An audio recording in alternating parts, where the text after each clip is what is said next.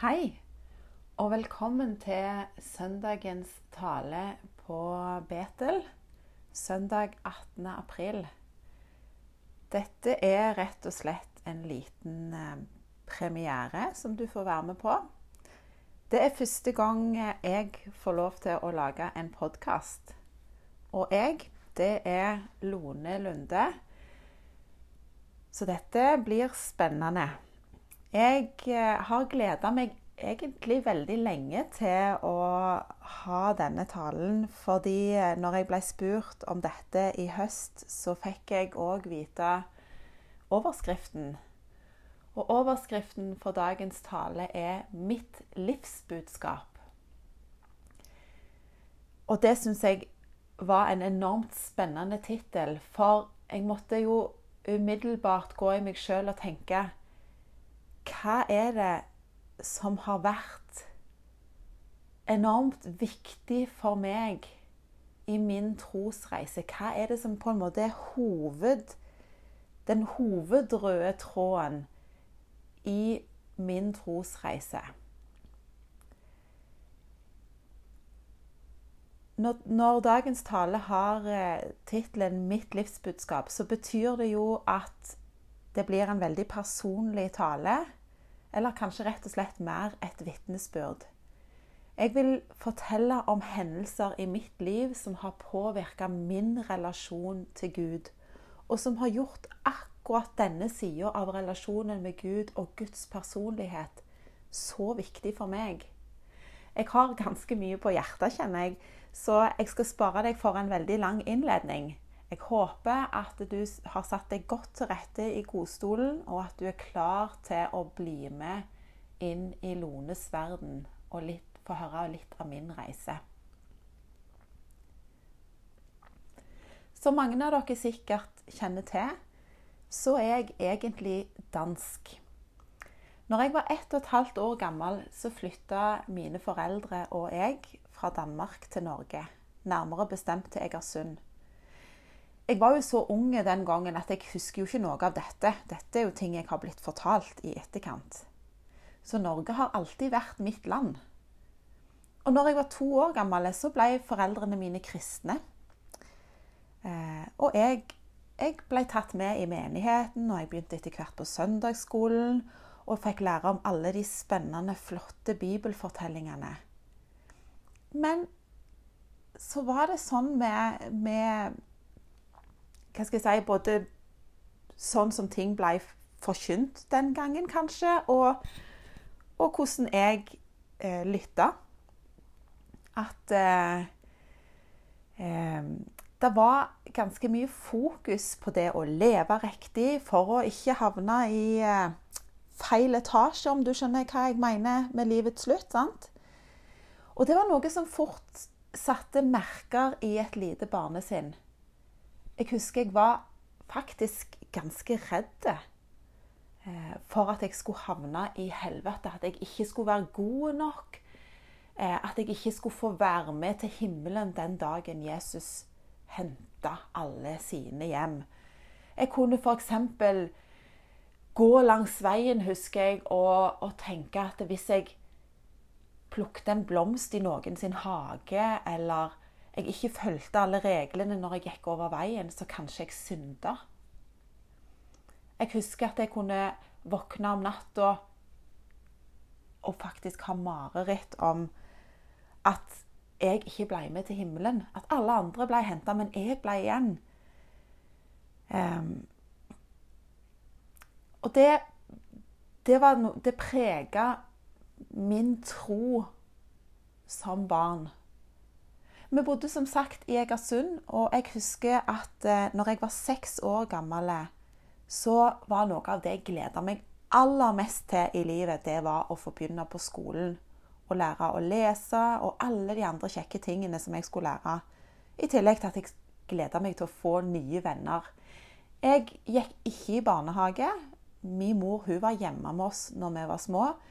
Så det å komme i en klasse full av andre barn, det virka kjempe kjempespennende og forlokkende. Tenk å ha liksom 20 andre å kunne leke med. Men siden jeg jo ikke er helt ung lenger, så begynte jeg jo ikke på skolen før jeg var sju år. Jeg syntes det var fryktelig lenge å vente. Men endelig så var dagen der, og jeg gleda meg enormt masse, husker jeg. Jeg husker òg at frøken hun var kjempesnill. Jeg husker at det var masse andre unger der. Men dessverre så fant jeg ganske fort ut at de var ikke så opptatt av å bli kjent med meg som det jeg var av å bli kjent med de. Det var akkurat som de syntes jeg var litt rare og litt annerledes. Jeg hadde et litt spesielt navn. De hadde ikke hørt Lone før. Og så ja, Jeg hadde jo vært hjemme med mor og søsknene mine, så kanskje det norske språket mitt ikke var helt perfekt. Jeg var liksom ikke en av de. Istedenfor å ville være med meg, så kalte de meg stygge ting, og jeg ble holdt utenfor. Eh, et par ganger så opplevde jeg òg å bli trua av eldre elever med at de skulle banke meg fordi at de syntes jeg var teit eller en stygg danske, eller hva annet de kunne kalle meg. Og jeg lærte veldig fort at det var smart å ikke ta så stor plass, men heller holde meg litt i bakgrunnen. Når jeg begynte i andre klasse, så flytta vi til Eigerøy fra på en måte sentrum av Egersund og ut til Eigerøy. Og da måtte jeg bytte skole. Det var jo både litt skummelt, men òg spennende. For jeg hadde jo ikke gått mer enn ett år på skole og tenkte at det, nå er det jo nye muligheter. Kanskje kan jeg finne noen nye, gode venner. Men så kjenner dere jo til uttrykket som vi har her i Norge, at nissen flytter ofte med på lasset. Og den flytta jammen med på mitt flyttelass òg. Så heller ikke i denne klassen og på denne skolen så opplevde jeg å passe inn og bli akseptert. Og for å gjøre en lang historie litt kortere, så gikk det ikke sånn spesielt godt på Eigerøy heller. Jeg var stort sett utenfor. En de andre ikke hadde lyst til å bli sett sammen med. Og neste mulighet var på en måte ungdomsskolen. Men det som var greia, var at alle de jeg gikk i klassen med på barneskolen, de var jo med til ungdomsskolen òg. Så egentlig så ble det ikke så stor endring der heller. Med unntak av at eh, av og til så syntes de jo at det var utrolig kjekt å være med meg i en to-tre dager, for det nærma seg innlevering i matte, eller at vi skulle skrive ferdig en norsk stil, eller gjøre ferdig en naturfagsoppgave. Og da kunne det jo være litt kjekt å få litt hjelp, sånn at de kunne få litt bedre karakter. Men når oppgaven var levert, så hadde de glemt det, og så ble jeg overlatt til meg sjøl igjen. Når jeg gikk ut av ungdomsskolen, så var min grunnleggende oppfatning av meg sjøl utvikla seg til at jeg ikke var verdt å bruke tid på, ikke var verdt å bli kjent med, ikke var verdt å være venn med, og rett og slett ikke var verdt å elske. Hele min barndom og tidlige ungdomsår så gikk jeg jevnlig i menigheten. Jeg hadde min plass, og jeg, og jeg hadde min tilhørighet i, i, stor grad der, selv om jeg ikke hadde så mange venner der heller. Men når jeg tenker tilbake på den tida, så, så ser jeg at min tro og mitt forhold til Gud i stor grad var bygd på den frykten som jeg beskrev fra barndommen. En frykt for å ikke strekke til. Veldig mye av det jeg gjorde knytta til tro og menighet, var forankra i at jeg prøvde å være god nok. At jeg prøvde å leve opp til det jeg trodde var menighetens standard og Guds standard, og det Gud og menigheten og alle andre forventa av meg. Og jeg prøvde å overleve som best jeg kunne på den veien. Jeg hadde jo gått på søndagsskolen som jeg fortalte, så lenge jeg kunne huske. Og jeg kunne alle de fleste bibelhistoriene på rams. Jeg hadde pugga bibelvers for å være en god kristen. Jeg gikk på møter hver søndag for å ikke være en frafallen og på vei til helvete. For det framsto som enda verre enn å være ensom og ikke passe inn. Men etter hvert så ble det veldig slitsomt. Og jeg orka ikke lenger å prøve å være god nok. Jeg tenkte at hvis dette er å være kristen, hvis dette er å ha Guds kjærlighet, Guds ubetinga kjærlighet, så nei takk. Og i en alder av 17 år så ba jeg Gud om å forlate livet mitt. Jeg var totalt utslitt og tenkte at båndnivået var nådd. Dette, dette orker jeg ikke mer. Jeg har jo tidligere fortalt eh, på Betel at eh, som en konsekvens av ting jeg hadde opplevd i oppveksten, dette med mobbing og andre utfordringer, så sleit jeg i ungdomsårene med en spiseforstyrrelse. Og denne ble etter hvert såpass eh, alvorlig at jeg ble innlagt på barne- og ungdomspsykiatrisk for behandling. På det tidspunktet så hadde jeg starta på videregående skole. Jeg hadde møtt flere hyggelige ungdommer som sa at de ønska å være venner med meg. Og jeg hadde begynt på musikklinja og passa for første gang bedre inn i gjengen. Plutselig så møtte jeg andre ungdommer som delte interesser som jeg hadde som så på meg på en annen måte enn det jeg hadde opplevd før. Men utfordringen var at hjertet mitt var lukka fordi at jeg var så redd for å bli avvist og ledd av igjen. Og på tross av at jeg nå egentlig var en del av gjengen, så følte jeg meg mer ensom enn noen gang. Så ensom at til slutt så tenkte jeg at det, det var bare det beste om jeg slutta å leve. Jeg, jeg, det var ikke verdt det. Og jeg tror jeg har fortalt tidligere om hva som skjedde når jeg var på sykehuset. Men jeg tar en kortversjon likevel, for det er, det er viktig for hva som har fått utvikle seg til å bli mitt livsbudskap. En kveld når jeg lå i senga mi, og alt jeg klarte å tenke på, var at jeg ønska å få lov til å dø, så kom en av sykepleierne og satte seg ved senga mi. Jeg husker at jeg grein, og jeg husker at hun, hun strøyk meg over håret. Og, og, hun bare ga meg rom og tid. Og så plutselig så sa hun Lone, tenk så heldig du er som er elska av Jesus. Han elsker deg akkurat sånn som du er. Jeg bare Alt inni meg bare stoppet opp.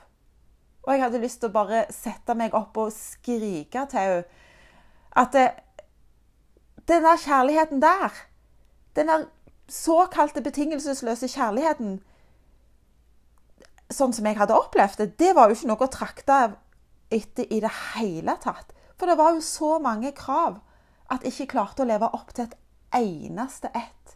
Og da forsto iallfall ikke jeg hva ordet betingelsesløs var. Men hun fortsatte å stryke meg over håret, og hun fortsatte å fortelle meg hvem hun så at jeg var i Gud. At han hadde skapt meg perfekt. At han elska meg. Og etter hvert så var det akkurat som det var en det var en bitte liten gnist av håp som ble tent i hjertet mitt. Hva om det faktisk fantes en betingelsesløs kjærlighet? En Gud som elska meg på tross av, ikke på grunn av. Som så meg som verdifull bare fordi at jeg var meg.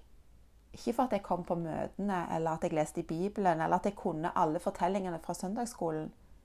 Eller at jeg ba ofte eller lenge.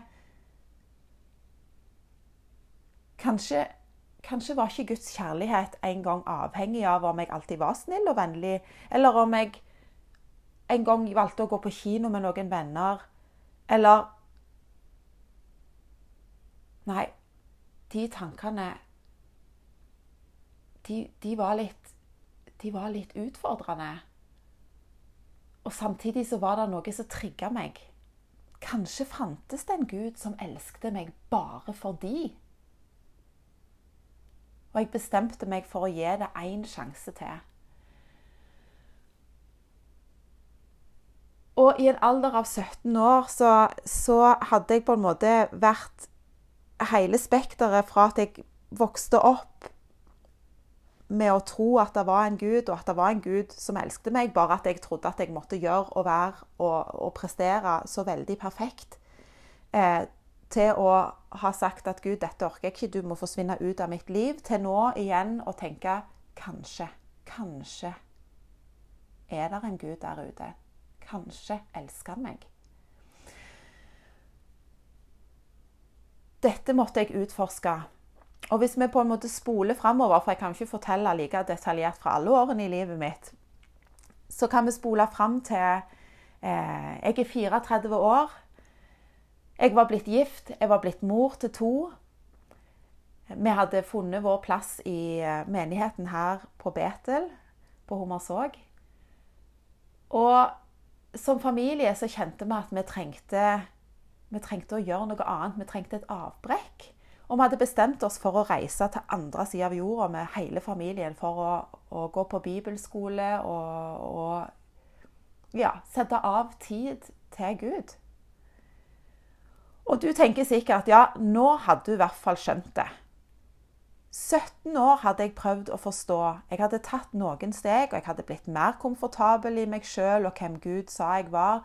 Men fortsatt så var frykten for å ikke være god nok en av de sterkeste drivkraftene i meg. Og i mitt forhold til Gud.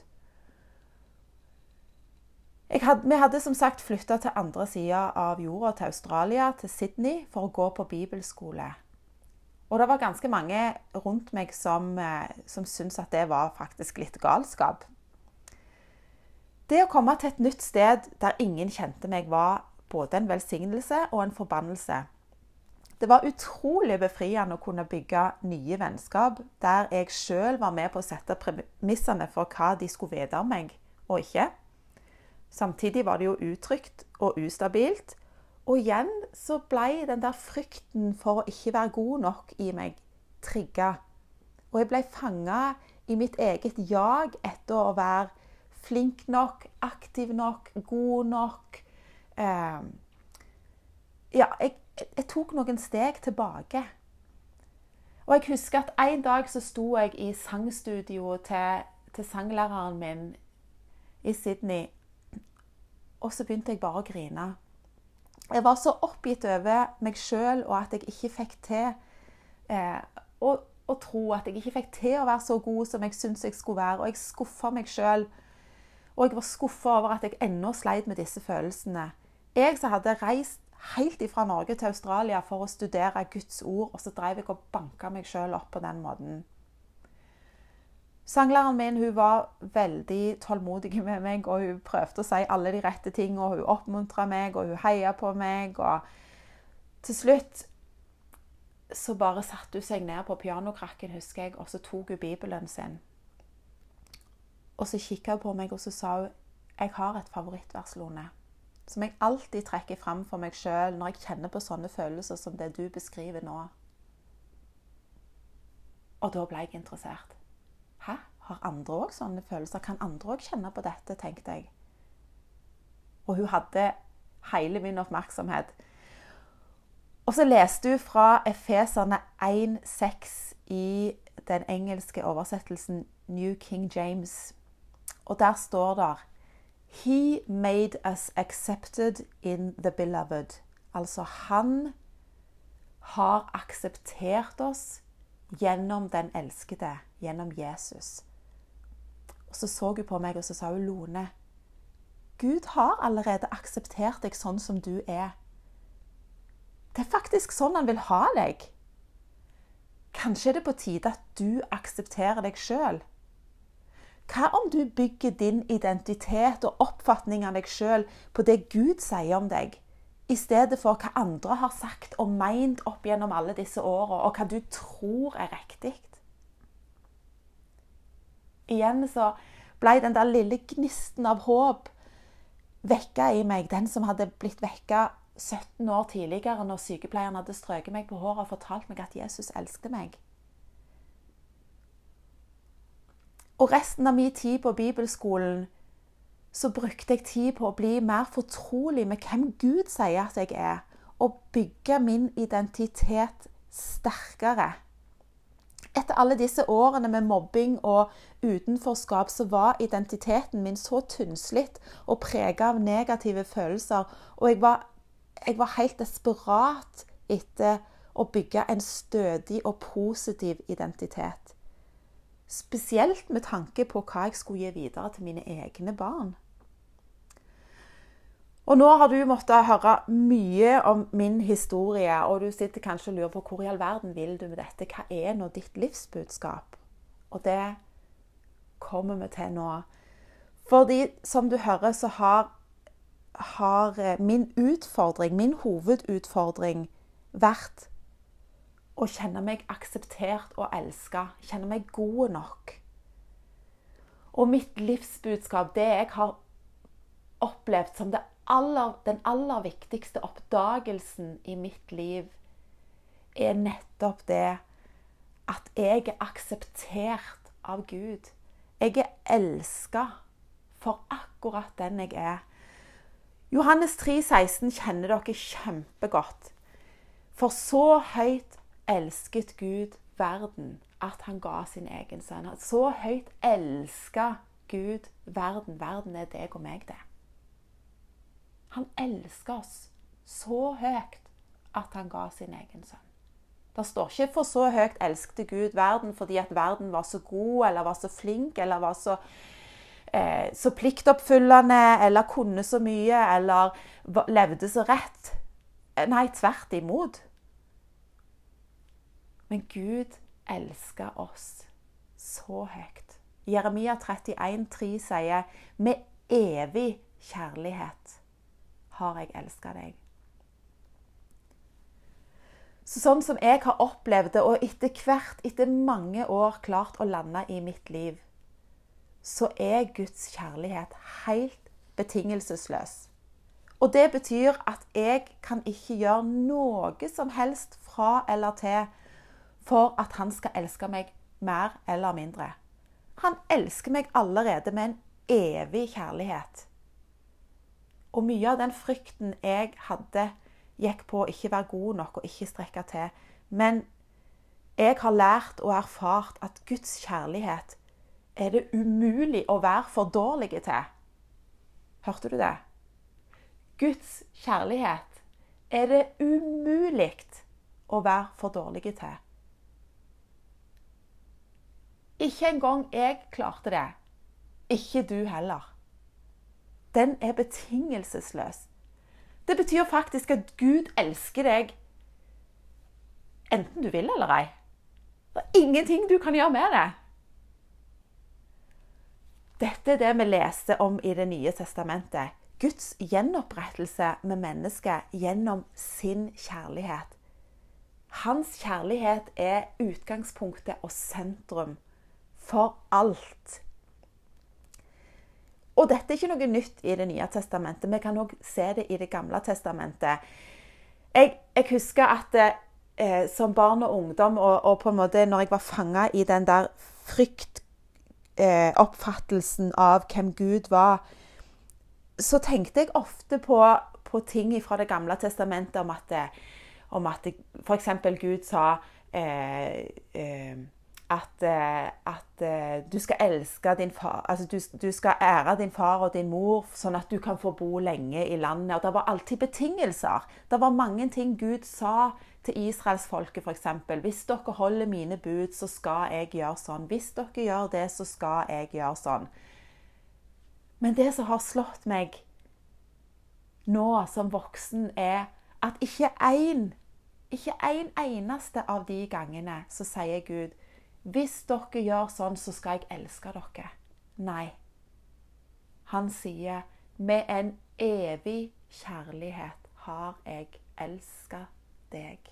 Har jeg elska deg? Ikke kommer jeg kanskje til, eller kan jeg muligens i framtida få til, men jeg har jeg elska deg. Guds kjærlighet er ikke avhengig av hva meg og deg får til.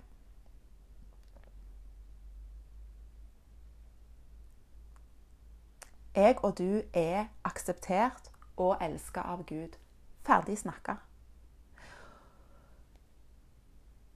Dette er det som har vært aller viktig, det aller viktigste punktet og danne grunnlaget for den identiteten som jeg etter hvert har fått lov til å utvikle i Gud. Men nå har jeg jo levd noen år flere, mer, og etter hvert så er det flere sider eh, med den identiteten som, har, eh, som jeg har lyst til å ta med eh, her i dag. Og jeg har noen kjappe punkt til. Eh, som en konsekvens av at jeg var blitt mobba og krenka over så mange år, så opplevde jeg en forakt for meg sjøl. Men Bibelen lærer oss allerede i første Mosebok, vers, kapittel 1, vers 27, at vi er skapt i Guds bilde. Og videre så sier, så sier Bibelen at når Gud hadde skapt mennesker, han hadde gitt dem sin, eh, sitt, deres oppdrag, så sa han at Gud så på det han hadde skapt, og det var overmåte godt. Det var Han var fornøyd. Gud så på mennesket, han var fornøyd. Salme 139 slår òg fast at vi er skapt på underfullt vis. Det betyr at du og jeg er skapt helt unike, og med trekk fra skaperen sjøl. Jeg husker at på bibelskolen så ble jeg utfordra eh, helt konkret til å se på meg sjøl i speilet og se for meg Rett og slett være, ha en barnslig tro på og barnslig tilnærming til dette med å være skapt i Guds bilde. Eh, jeg, ble, jeg fikk beskjed om at hver dag i en måned så skulle jeg se meg sjøl i speilet. Og så skulle jeg granske mitt eget speilbilde, og så skulle jeg tenke OK, Lone, du er skapt i Guds bilde.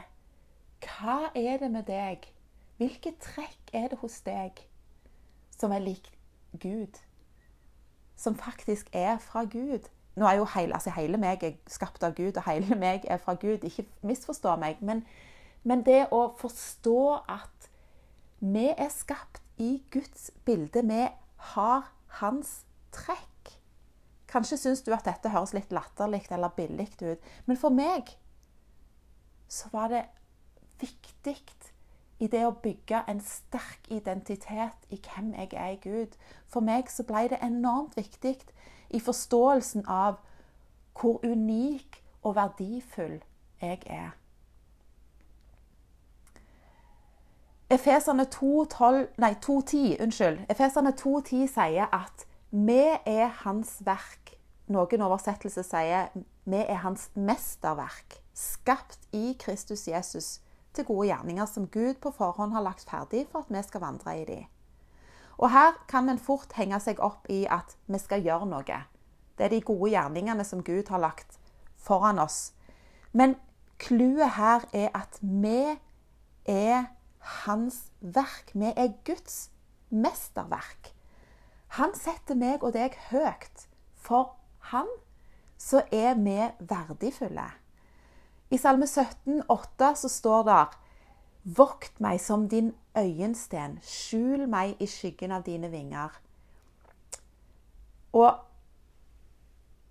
det å, å, å, bruke beskrivelsen øyensten om noen, det er på en måte det er noe av det nærmeste du kommer.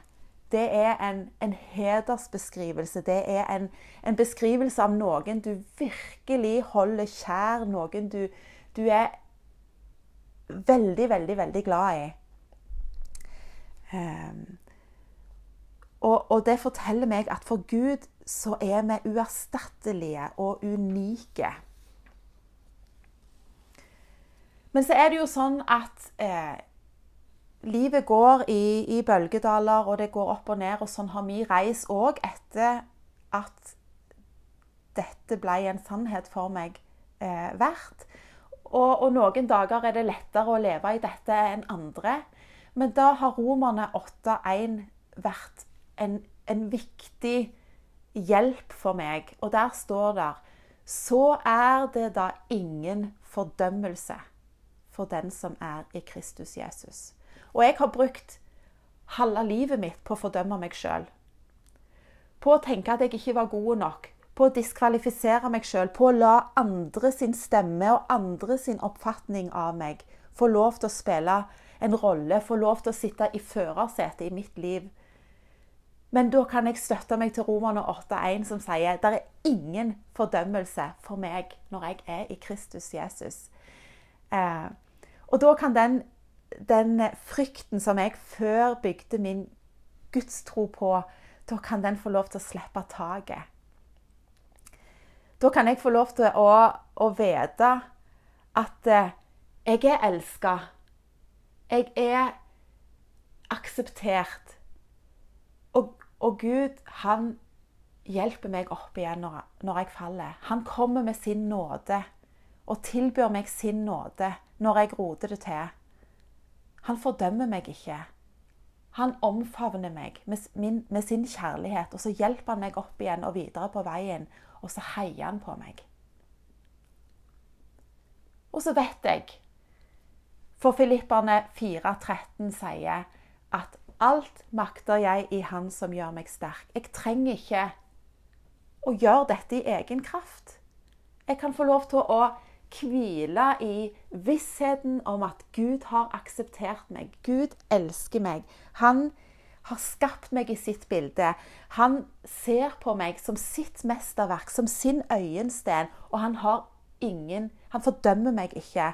Og derfor så kan jeg få lov til å være sterk i hans kraft. Og da kan jeg stå i det. Tenk det! Boom! Slå den, du. Min pappa er sterkere enn din. Min Gud er sterkest. Og for Gud er alt mulig.